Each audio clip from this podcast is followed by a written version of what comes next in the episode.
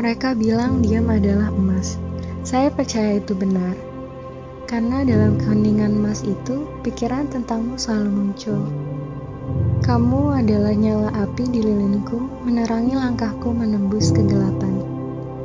Kamu adalah bunga bermekaran di hamparan tanah yang luas. Melihatmu membuat hatiku tenang. Kamu adalah kupu-kupu yang berkedip di perutku sepanjang hari.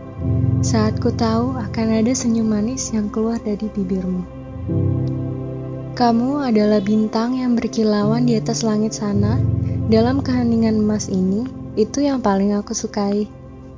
Jadi dalam keheningan emas ini, memikirkan tentangmu masih menjadi juaranya, dan yang paling aku cintai.